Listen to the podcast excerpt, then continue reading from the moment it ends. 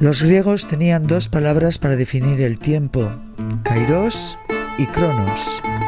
Cronos representa el tiempo cronológico.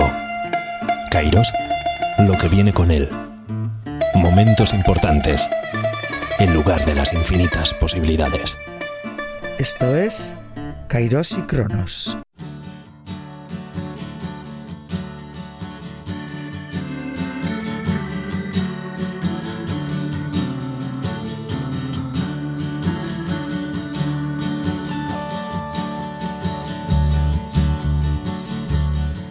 Hola, ¿qué tal? Con la música de Pascal Comelade, que ya saben que toca muchos instrumentos de juguete, pues recibimos a nuestro invitado con esta versión de una canción tradicional italiana.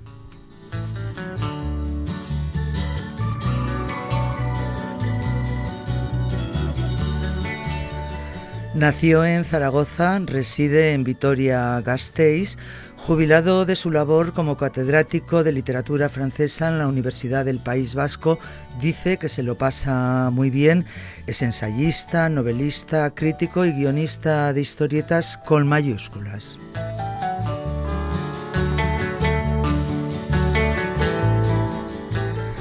Altarriba, Antonio Altarriba es su nombre. Bienvenido, Antonio. Gracias. ¿Qué tal estamos? Bueno, pues muy bien. Pascal Comelade es un autor, un músico que me gusta mucho y el título de tu programa eh, también, mm, Kairos y Cronos. Esto de hablar del tiempo, del tiempo que va pasando inevitablemente, sí. ese cronológico, pero también lo que, lo que nos va quedando, lo que hacemos en ese tiempo. Es decir, no solamente es el Cronos, la parte, sino también el Kairos, ¿no? Lo, la experiencia que te va, que te va trayendo el, el, paso del tiempo. Mm. Pues muchas gracias. Eh, yo también te doy a ti las gracias por estar hoy aquí con nosotros. Altarriba es un hombre con, con, gran imaginación y gusto por contar historias. ¿Está bien dicho eso de guionista de historietas o quizás hay que empezar, hay que emplear otro término? Lo digo un poco porque estamos hablando igual de ese tópico de que lo de las historietas tiene que ver con, con el mundo infantil. No lo sé. No, a mí me parece que es un es, es el nombre que en realidad eh, corresponde en castellano a, la, a esta forma de expresión. Lo que pasa es que efectivamente durante muchos años ha estado asociado con el, eh, mm, con el público juvenil, con eh, un producto pues fundamentalmente para el entretenimiento, eh, no, no muy serio, no muy comprometido artísticamente, y entonces ahora se han buscado otras, otros términos para quizá insistir en que, bueno, puede haber mm, siempre pues una, un tipo de historieta infantil y, de hecho yo diría que es cada día más necesaria porque ahora lo difícil es encontrar una historieta infantil, además aparte de Mortadelo y Filemón, ¿no? Pero mm, eh, porque mm, fundamentalmente se ha convertido, yo diría que en un medio adulto y se le llama más a menudo cómic, incluso el término más reciente que, que ya parece que nos hace exactamente nos hace sentir como más importantes. Claro, dices que eres eh, autor de historieta y todavía existe mm, entre la mayor parte de la gente esta idea de asociarlo, pues eso, con el tebeo, viene Carpanta, Zipizape, todo todo este tipo, pero eh, sí, se, se, llama novela gráfica y ya pues te encuentras con unos tomos de eh, 200, 300 páginas, tapadura y con unos temas que a veces son muy serios, incluso muy, muy delicados y que otros medios no se atreven a tratar con la misma decisión y valentía que, el cómic. De cualquier manera, eh, hablando de, esos tebeos para un público juvenil e infantil, no sé si tienes la sensación de que ha perdido peso en ese sector, ¿no? Ya que, que los niños tampoco es que ya se acercan, los niños y las niñas ya tampoco se acercan a, a los tebeos que, puede ser eh, la vía para empezar a leer o porque en nuestra en nuestra época era así. Sí, yo de hecho mm, casi podría decirte que empecé o aprendí a leer en los tebeos de, de aquellos años que eran eh, eh, los años de una España mm, muy gris, muy, muy difícil, muy triste, muy culpabilizada, ¿no? Y, los tebeos te ofrecían unas ventanitas, esas viñetas, ¿no? Pues para hacia la fantasía, hacia la aventura, hacia el humor, ¿no? Y, y yo era un enganchado de, de, esto de los... Uh, de los tebeos. De, los, uh, de los tebeos, ¿no? Entonces, pues eh, ahora yo creo que, claro, mm, eh, han, pasado muchos años desde entonces y los, los chavales están solicitados eh, por, por, otras muchas formas de, de diversión que quizá en apariencia eh, pueden resultar más, eh, más atractivas, ¿no? Pues yo qué sé, los, eh, los videojuegos, los dibujos animados, las series de, de, televisión que están hechas ya para, para, hacia ellos. hacia un público hacia un público infantil. Yo creo que el cine familiar, por ejemplo, es uno dentro de la industria cinematográfica es uno de los ejes centrales para, para toda la familia y por lo tanto también para, para los niños, pero mira, precisamente vengo de, mm, de, de Frankfurt, de, de, la, de la Feria del Libro y ha dedicado un espacio bastante importante al cómic español porque mm, poco a poco se va haciendo un lugar eh, internacional, un espacio donde destacamos eh, eh, internacionalmente. Y una de las cosas de las que hemos hablado es de que cada vez eh, mm, este es una, una herramienta muy útil dentro del mundo pedagógico. Han salido muchos manuales de orientación didáctica para mm, ver cómo, pues desde la historia, en la lengua, eh, hasta eh, la filosofía o mm, otras muchas disciplinas, se pueden estudiar utilizando como soporte algunos cómics que al tener la imagen y ser un soporte, digamos, material, un libro... Es que lo pueden tocar. Lo pueden tocar, lo pueden... Lo pueden, volver hacia adelante, hacia atrás. Lo pueden manipular, es decir, al final nos hemos olvidado que es una máquina que es una aplicación de lectura, podríamos decir, para utilizar términos. Mira, no está mal ponerlo así. Un libro es una, una aplicación de lectura. Es una aplicación de lectura que tiene, tiene sus ventajas, ¿no? Aparte de, de la consistencia como objeto, como objeto físico, aparte de que huele a tinta, de que lo puedes, eh, de que lo puedes eh, tocar, pues puedes ir para adelante, puedes ir para atrás, te permite composiciones tanto de color como de imagen.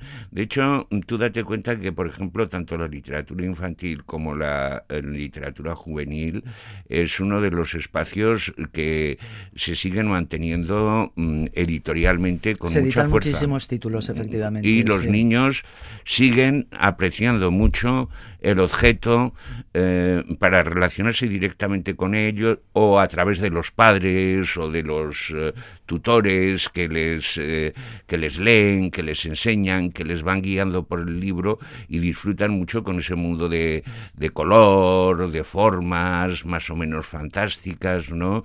No es un objeto mm, para nada extraño, se familiarizan muy, muy, muy rápidamente con él.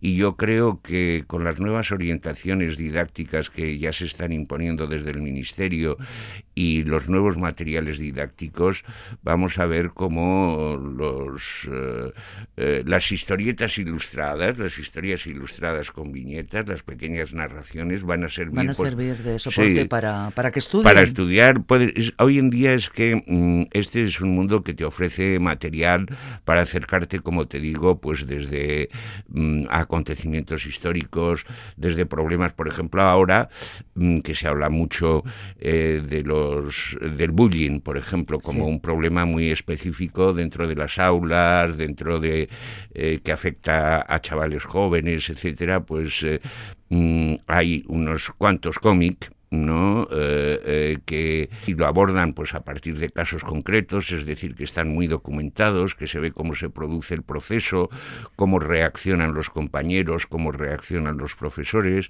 y eso em, se está utilizando, por ponerte un ejemplo, simplemente pues para eh, intentar mm, bueno pues advertir, contrarrestar pues las eh, a veces la, mm, los malos hábitos de convivencia que pueden surgir. ¿no? También a, los, jóvenes de que pueden ser ellos eh, los que sufran bullying o, pueden ser los, que, lo están, ejerciendo, Efectivamente, ¿no? Entonces a veces no eh, los que los que lo hacen no son muy conscientes del, del daño que están haciendo, piensan que simplemente están gastando una broma y que la otra persona no lo está no, lo está sufriendo, no, no le está afectando, pero resulta que sí, ¿no? Que ese eh, goteo constante de, de, desplantes, de insultos o de aislamiento, pues acaba afectando, ¿no? Entonces, eh, mm, tanto para esto como para disciplinas, como te digo, como la historia, como la literatura,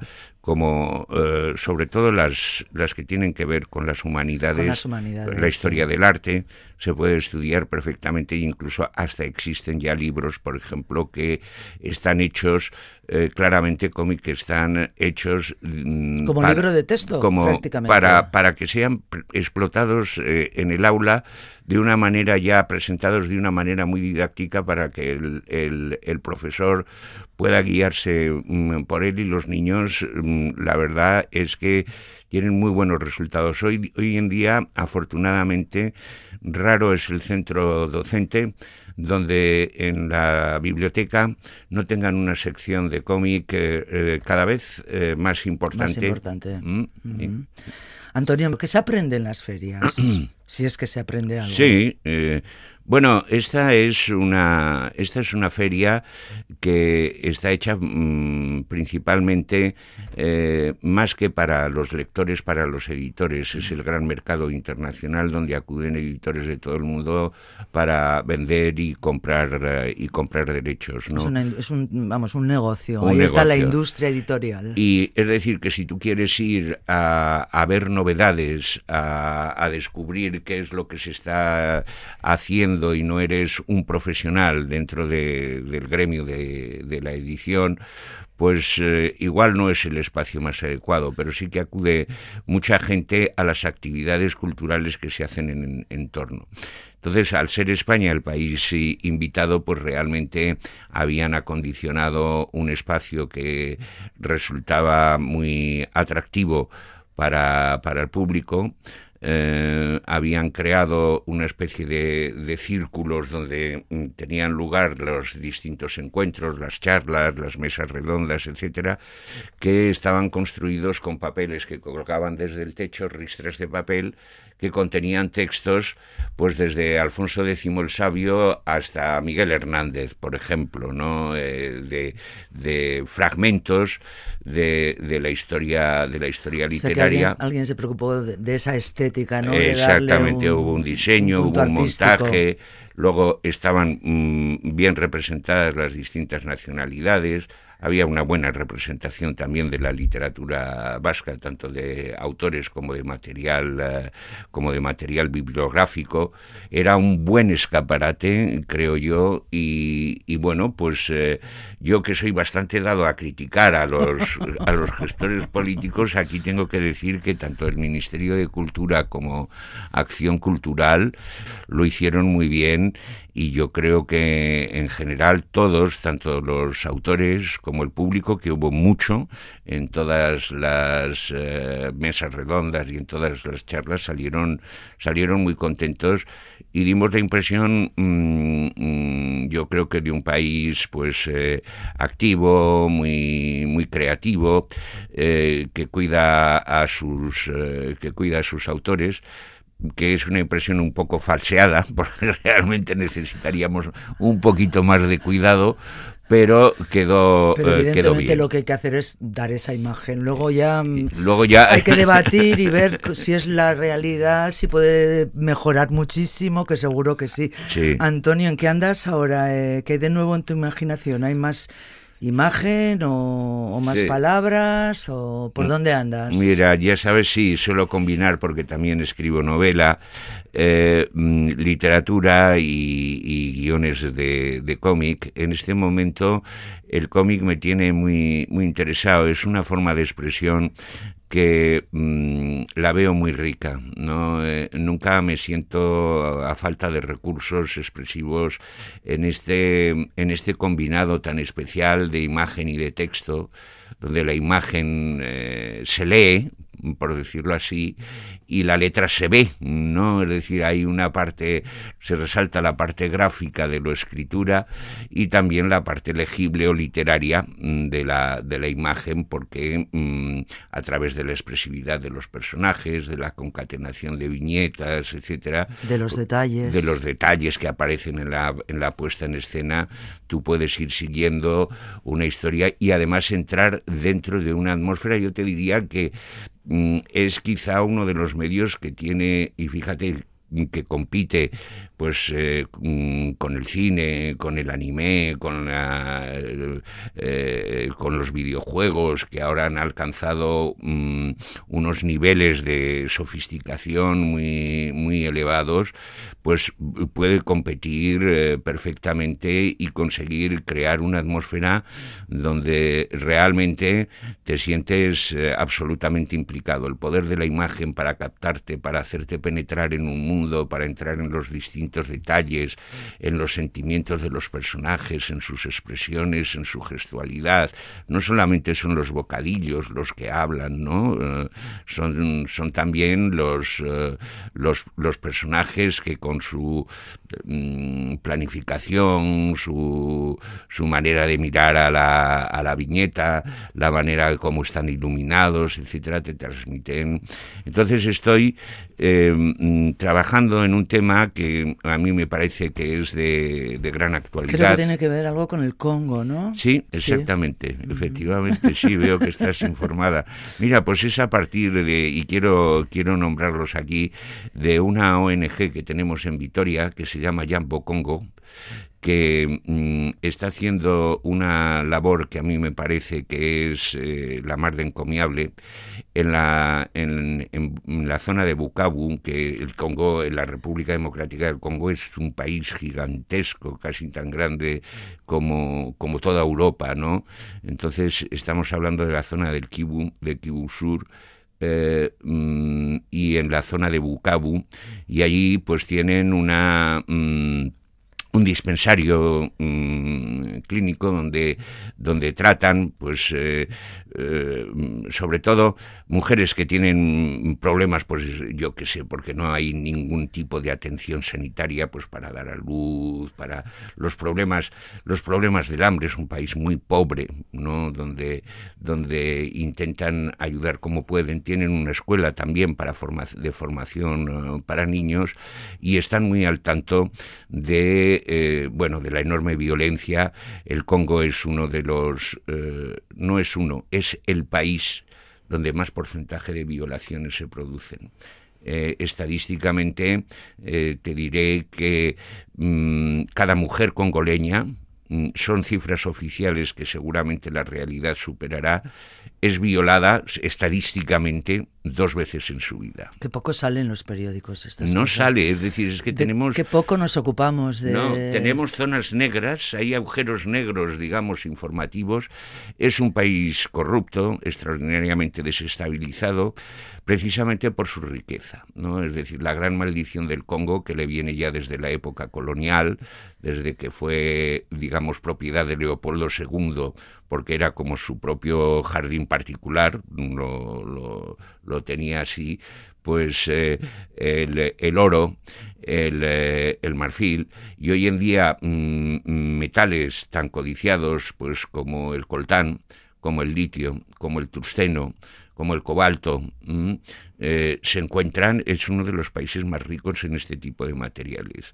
Y desgraciadamente para algunas de las grandes compañías extractoras les interesa que eh, haya inestabilidad política, que exista corrupción para hacer exportación ilegal de esos, de esos materiales. No somos conscientes quizá de que cuando utilizamos nuestro móvil y apretamos en la, en la pantalla y se produce un contacto, eso es gracias a unos minerales como el coltán, que eh, son extraídos eh, mm, por mano de obra prácticamente esclava, fundamentalmente por niños, porque son mm, galerías de extracción muy, muy estrechas donde los niños se mueven mucho mejor. un adulto no entraría con muchos accidentes eh, laborales, es decir, muchos que, mueren enterrados, y con unas milicias que se encargan de mantener esa desestabilización y esa especie de, de, reparto ilegal de la, de la riqueza y que utiliza es también el país donde existe un mayor porcentaje de niños soldados. Y eso es lo que, lo que pretendéis o lo que, eh, eh, en lo que estás ahora, lo que quieres contar en, en una próxima novela gráfica. Sí, eh, es eh, parto de ahí y de hecho ya estamos la novela saldrá la novela gráfica saldrá dentro de eh, pues, pues, para allá el seguramente la prima mm, queremos que sea para la primavera o quizá otoño de 2023 ya está bastante adelantada está bastante documentada y ya a partir de ahí tratamos otro tema que es fundamental a mí me parece que es la gran odisea de nuestro tiempo es, es la odisea que protagonizan los que, mm, partiendo de situaciones como estas, de países eh, donde la vida cotidiana es muy difícil, la supervivencia incluso no la tienes garantizada, de, desde, desde que te levantas hasta por la noche no sabes si vas a ser asaltado, si vas a ser violado, ni siquiera si vas a poder comer ese día. Hay mucha gente, muchos millones de personas que viven así y se ven obligados a emigrar y es ahí donde nos toca, donde nos llega y nosotros yo creo que con una cierta hipocresía externalizamos el problema pues colocando fronteras pues no sé pues en, eh, en Turquía por ejemplo para que eh, los campos de concentración y que son una vergüenza en la mayor parte de los casos nos bueno pues no lo veamos. no lo veamos no o nosotros, por ejemplo, por lo que lo hemos hecho con Marruecos también, ¿no? Todos los, los problemas que tenemos en las, en las vallas de Ceuta y Melilla, ¿no?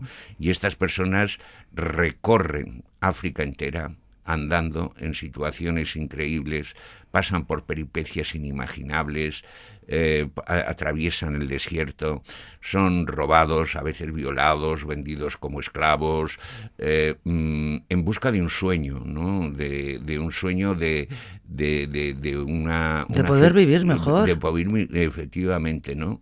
Y, estas personas eh, muy a menudo llegan y se encuentran pues con que esa, esa especie de paraíso terrenal pues no, no responde a sus, a sus expectativas.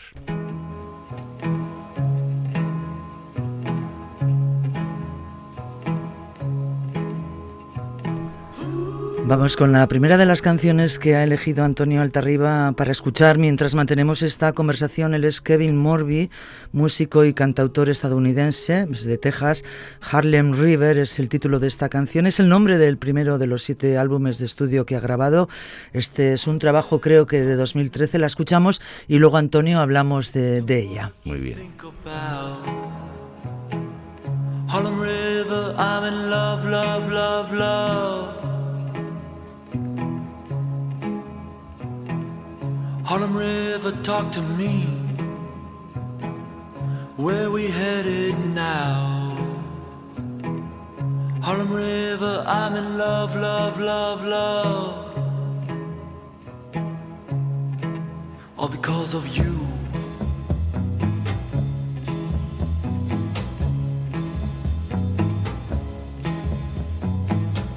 In my pearl and my diamond shoes. I've climbed a cloud, now I've stole the moon, Harlem River. All because of you.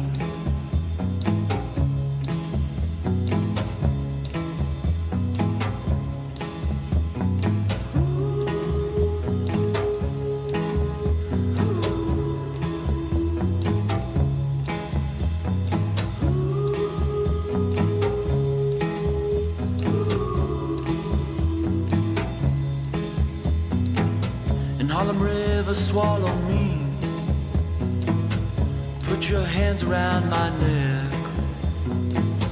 Harlem River, I can't breathe. They've got the lights down now. In Harlem River, give me wings. Put my head up in the clouds. In Harlem River all because oh I'm nowhere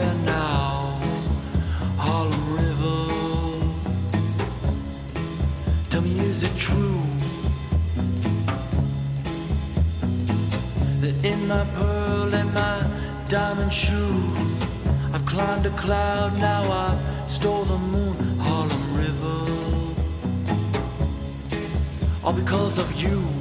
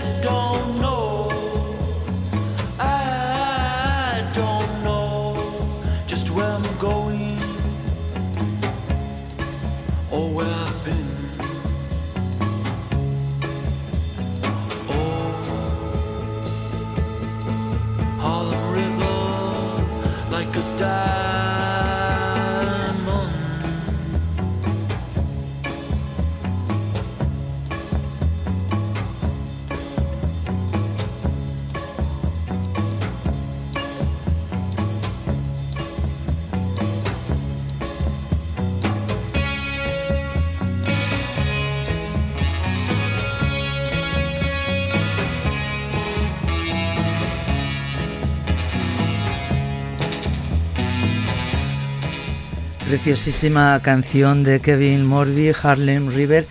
Antonio está sonriendo escuchándola. Ah, sí, bueno, es una canción que me, que me encanta. Yo soy una. Eh, yo he vivido eh, eh, siempre pegado a la música, ¿no? desde, desde muy joven me, me encantaba la música y, y, antes de tener tocadiscos eh, ya tenía ya tenía mis discos porque no podía no podía contener las ganas de, bueno de esas eh, eh, yo creo que la, música es una de las artes que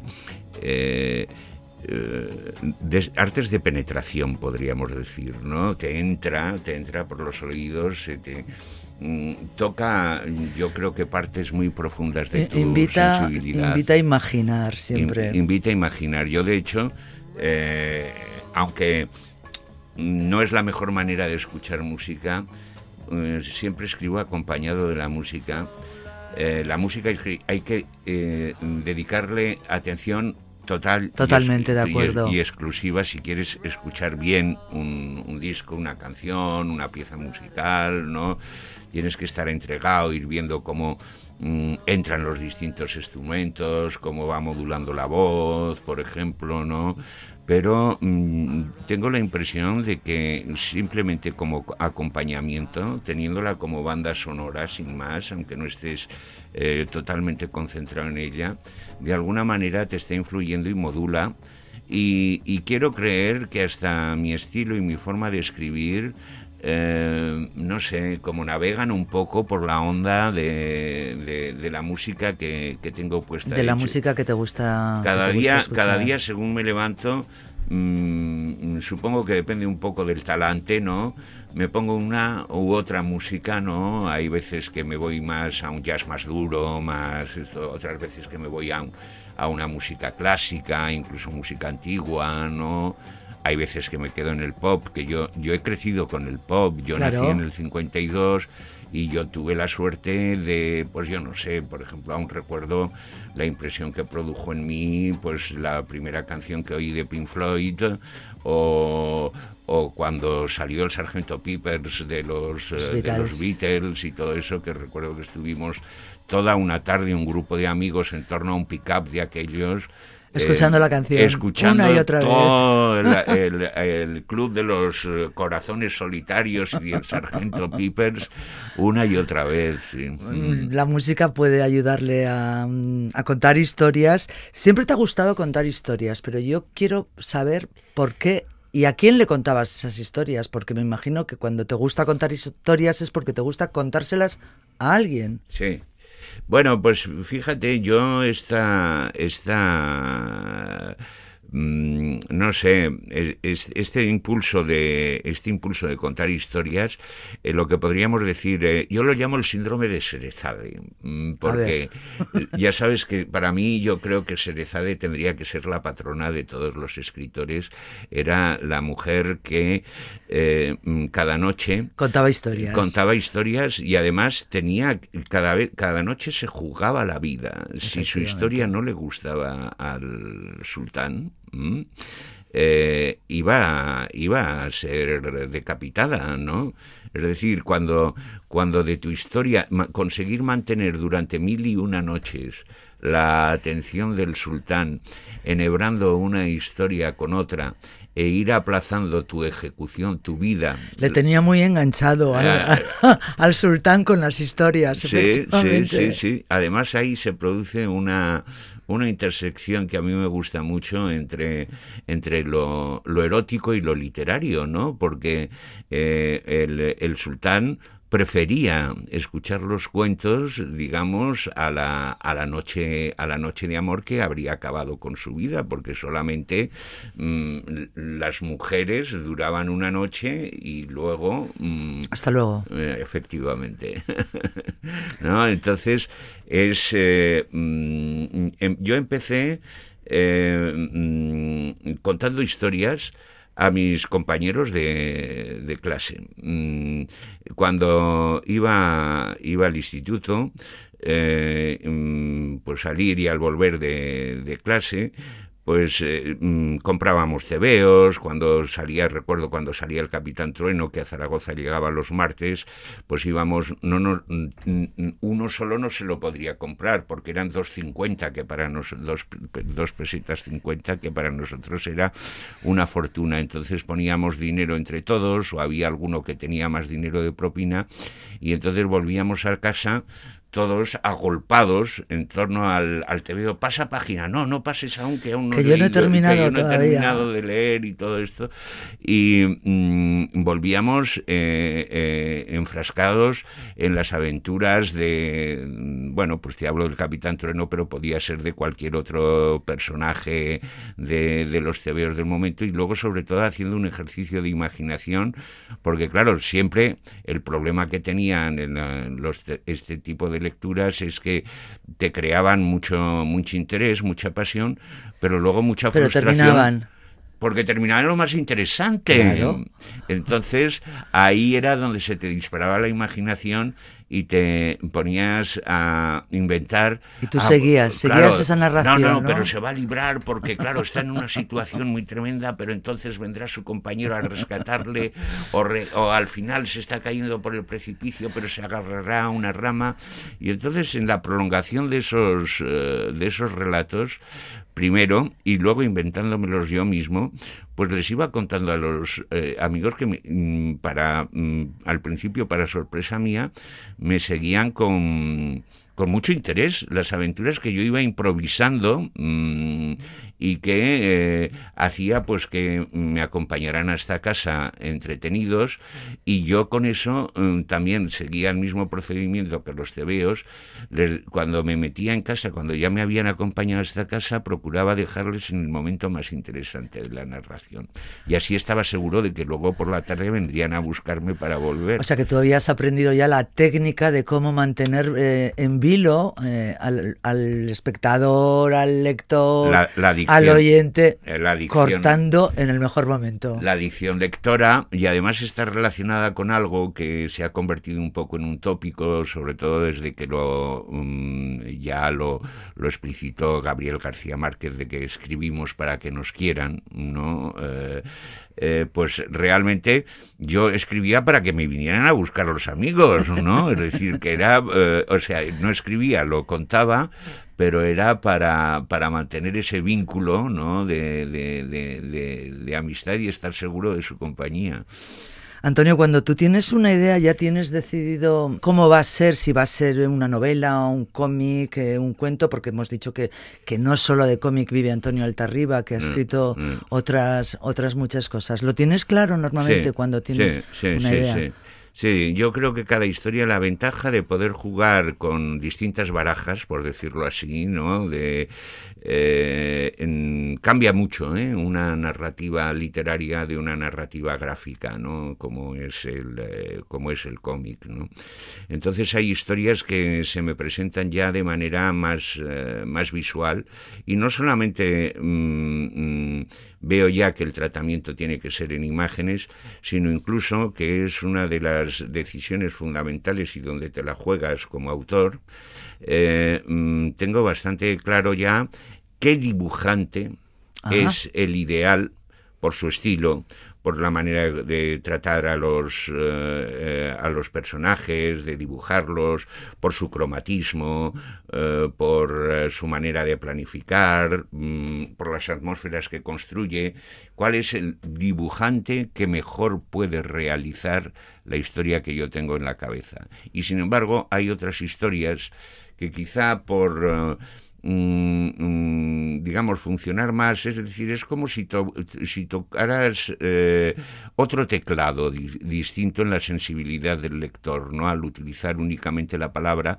que también tiene un gran poder evocador y que también genera imágenes mentales, ¿no? Y tú te vas imaginando y te vas imaginando la, al personaje, a la situación. Si es una novela histórica, te acabas trasladando al periodo en el que en el que transcurre, ¿no? Es decir, que es un... Eso es mm, gracias a, vuestras descripciones, evidentemente. Claro, claro, claro, ¿no?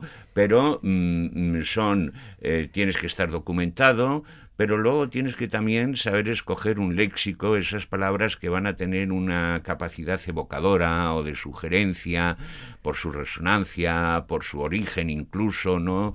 Ahí yo creo que el hecho de haber sido eh, profesor, haber hecho filología francesa y haber sido profesor de literatura es importante para darte un, una serie de recursos a lo largo de la historia para crear este, este tipo de atmósferas, ¿no? Entonces sí, es, eh, yo lo tengo bastante claro desde un principio si esto, esto va para un relato corto, esto va para novela, esto va para guion de cómic, eso lo veo, lo veo enseguida. Lo ves enseguida. Petra Ordóñez, ama de casa, una ah. mujer religiosa, su madre. Antonio Altarriba López, su padre, combatiente anarquista durante la guerra del 36, exiliado en Francia y más tarde retornado a España en los años 50. En esos años, eh, en el 52, decías, Antonio, naciste en esa etapa, ya, ya lo decías, gris, eh, de la realidad de la dictadura dictadura franquista y de la posguerra. ¿Qué recuerdos tienes de tu casa con, con, dos padres, con padre y madre tan distintos, ¿no? Sí.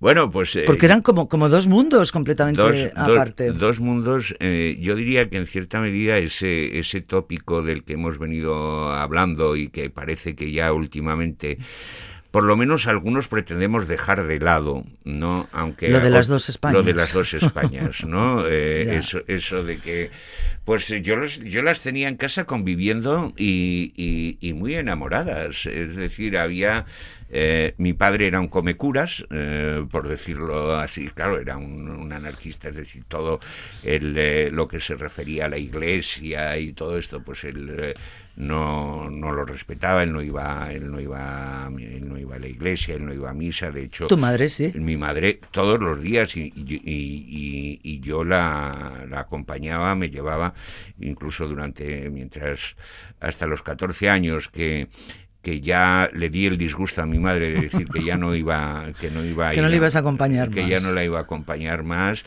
estaba incluso preocupado porque, claro, como lo que te decían es que si no ibas a misa, si no cumplías con todos los preceptos de la Santa Madre Iglesia, te condenarías. Yo estaba convencido de que mi padre iba a ir al infierno, claro. Mi padre nos esperaba fuera, en la, en la puerta. En la puerta de la iglesia.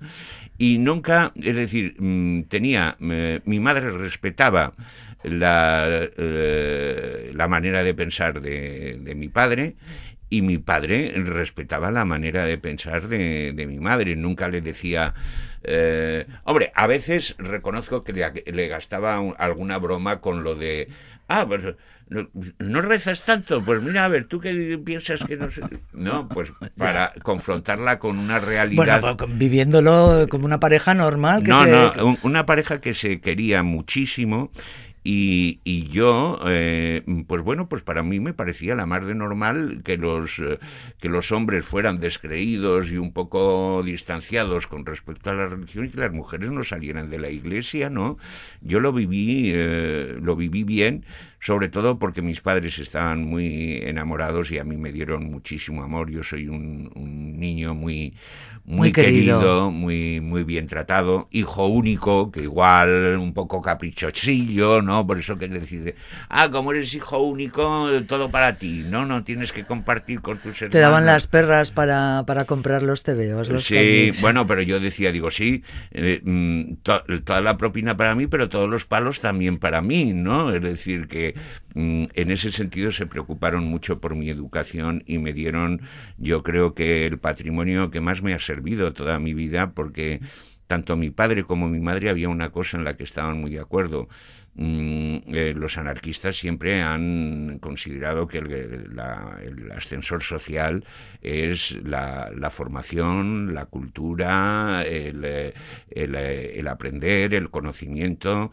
Serás más fuerte, serás menos manipulable, serás menos esclavo. Eh, cuantos más conocimientos y más capacidad de discernimiento tengas, ¿no? Entonces siempre me inculcaron y estuvieron muy encima de mí para que estudiara, estudiara, estudiara y realmente han sido, digamos, mis capacidades intelectuales las que las que las que me han ido haciendo. Yo he vivido, en realidad, fíjate tú, con, un, con una cierta distancia me he dado cuenta de que si en realidad yo he sido y he estado ejerciendo aquí durante 40 años como profesor de francés en la UPV, es porque, porque mi padre, mm, en un momento determinado, él siendo anarquista y tocándole eh, la guerra civil en el mando nacional, se pasa al otro lado cae en la centuria Francia, que era una centuria anarquista con españoles que venían desde Francia ya emigrados, y empieza a conocer lo que es el mundo de Francia. Y cuando yo soy pequeño, eh, eh, mi padre, que ya ha vivido 13 años en Francia, me habla... Me Te lo transmite. Me, empieza a hablar en francés, ¿no? Entonces, eh, mm, bueno, pues el, el, estudio, el aprender un idioma, el aprender la historia de, de, ese idioma, leer, abrir, tener la puerta abierta a una literatura tan rica como la literatura francesa, yo creo que me han convertido en la persona que soy. Y la posibilidad de viajar a Francia, pasabas allí los veranos, ¿no? Eh, ¿Cómo era eso de salir de, de Zaragoza? Eh, yo no sé a qué, a, qué ciudad, a qué pueblo. Bueno, pues sí, era un privilegio. Iba fundamentalmente, yo pasaba entre Montpellier, eh, iba al sur de Francia, Montpellier, Narbona, Béziers, que eran los, los sitios donde estaban los, los amigos incondicionales, los amigos de la guerra de mi padre. La guerra crea, mm, es, es, una, es un drama, es algo tremendo y mi padre, eh, que, que, hablaba mucho, a diferencia de otros, eh, que vivieron la guerra y pues por las razones que sean, porque les produjo un trauma o porque les eh, metieron mucho miedo para hablar de ella, eh, no, no hablaban, ¿no? Mi padre sí, mi padre hablaba mucho de ella y de los horrores que, que, vivió, que, le tocó vivir. Que, le tocó vivir. Y que, tocó vivir a toda una generación de, le gente. Vivir, le tocó vivir a, a, toda una a toda una generación, ¿no? Entonces, bueno, eh, para mí, el, eh, en, esa guerra, él siempre decía que, claro, lo, lo mejor que había encontrado dentro de esa guerra eran unos vínculos de amistad. Dice, cuando se es amigo de una persona en unas situaciones en las que cada día te estás jugando la vida, en las que, en las que te levantas por la mañana y no sabes si te vas a acostar por la noche porque eh, estás en cuando estás machacado por los bombardeos, por los eh, eh, por los tiroteos, etcétera, etcétera. Claro, el tener un amigo que te que cuida de ti, ¿no? El vínculo que se establece, la lealtad, la, el, el cariño, es, yo creo que supera el fraternal. ¿no? Yo creo que puedes, eso es lo único de verdad que es para siempre en la vida. ¿no? Exactamente. Y de hecho, mi padre tenía unos amigos incondicionales a cuya casa me enviaba él a partir de los 10 años, a partir de los años 60, y tuve el privilegio, yo creo, para alguien como mi generación, de asomarme al mundo eh, eh, em, y ver otra realidad distinta mm, de, la, de la realidad existente en España y ver que había sitios donde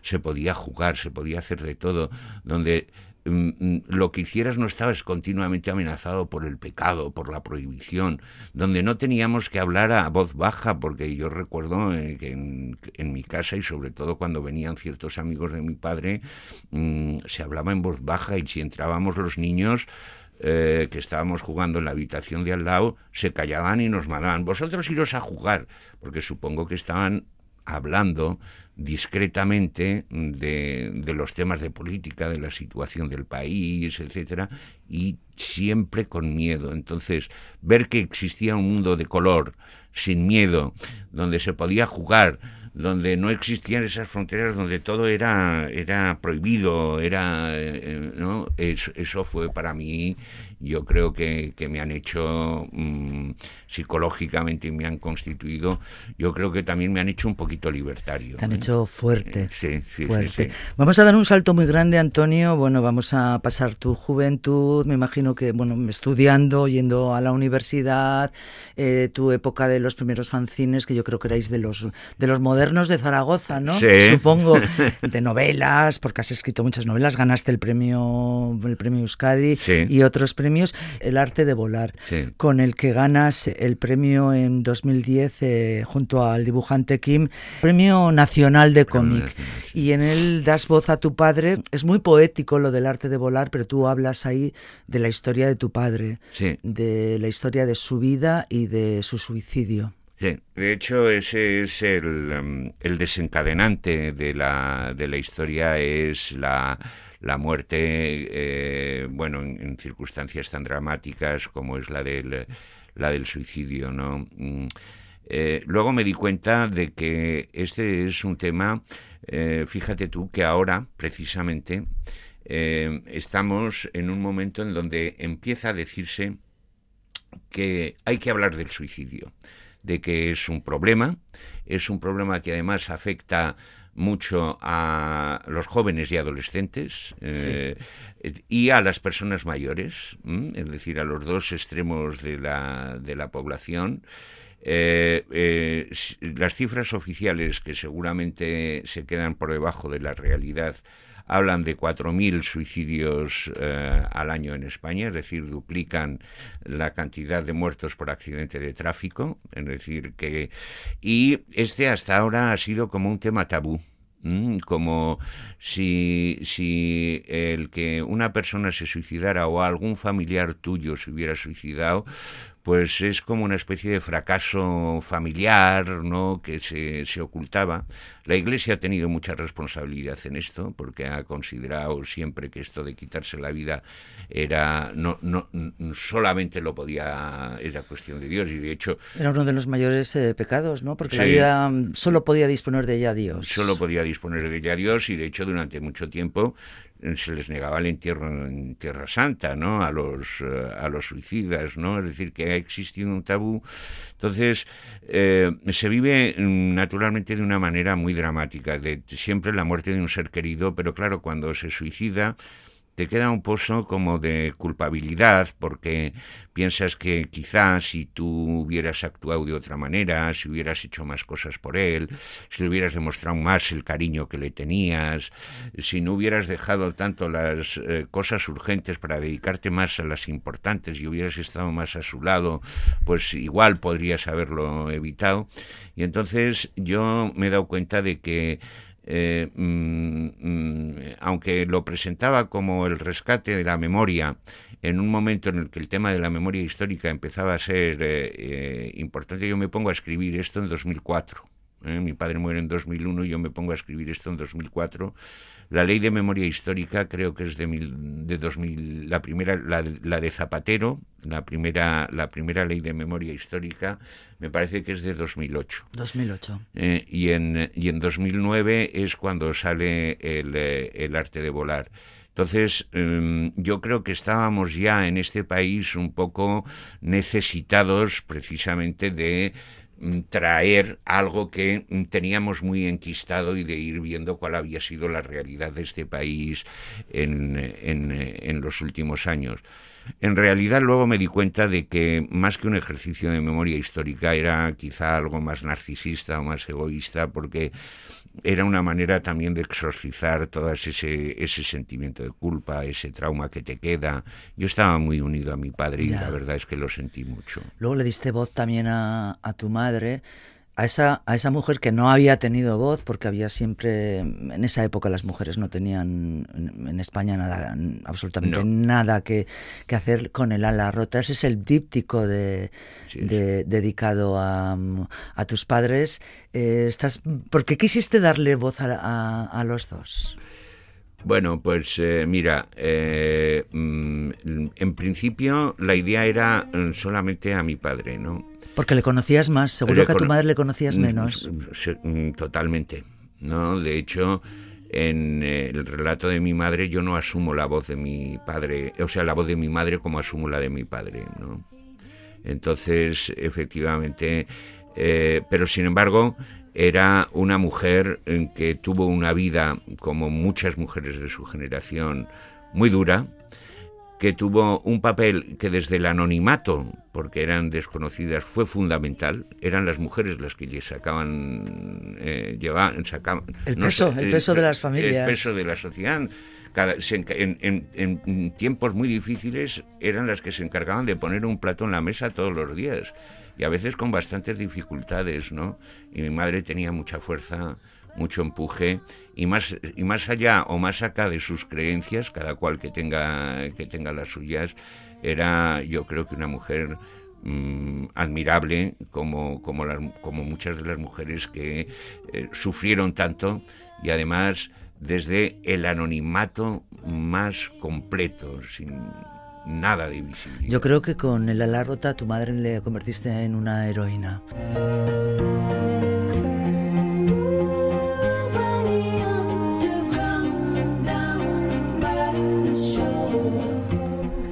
Estamos escuchando la segunda de las canciones que ha elegido Antonio Altarriba. Ella es Agnès Sobel, compositora, pianista y cantante danesa que hace este pop tan elegante y misterioso.